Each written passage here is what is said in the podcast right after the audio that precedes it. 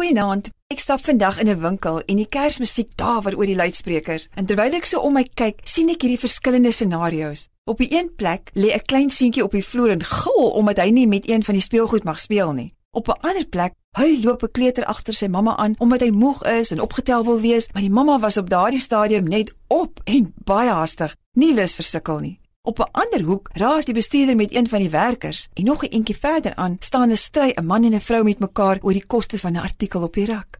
Maar reg voor my staan 'n jong vrou met 'n waantjie waarin haar baba van so 5 maande oud in sy stoeltjie lê. Die kleintjie het net oogies vir sy mamma en hy kraai kliphard van die lag oor al die snaakse woordjies wat sy vir hom sê.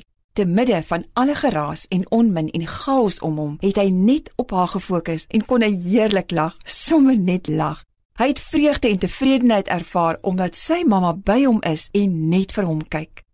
God het net daar vir my kom aanraak met die volgende gedagte: My kind, al is die lewe ook hoe deur mekaar en chaoties om jou, fokus jy net op my.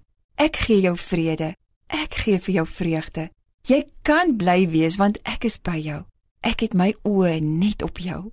Ek was oorweldig. Onwillekeurig het ek ook aan hierdie gedeelte in Matteus gedink.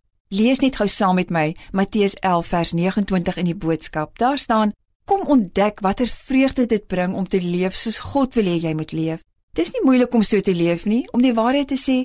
As jy so begin leef, sal jy agterkom hoe lekker die lewe regtig kan wees. Jesus sê nie hier hy sal eers al die slegte dinge wegvat nie, want as jy vers 28 lees, sal jy sien Jesus was ten volle bewus van die swaar kry, moegheid en probleme van die mense maar hy sê dat ons by hom sal ontdek watter vreugde daar by God kan wees. Kan God lag? Ek dink so. Ek dink hy's propvol humor ook, want waar anders kry ons ons gawe vandaan om te kan lag? By God self mos natuurlik. Hy het ons gemaak.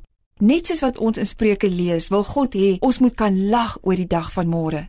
Hy wil hê ons moet tevredenheid by God ervaar, net soos 'n klein babietjie by sy moeder. Selfs Dawid skryf in Psalm 130 vers 6: Ek hou vas aan die Here meer as wat 'n kleintjie aan sy mamma vasklou. My Here, U is die gewer van alle goeie dinge.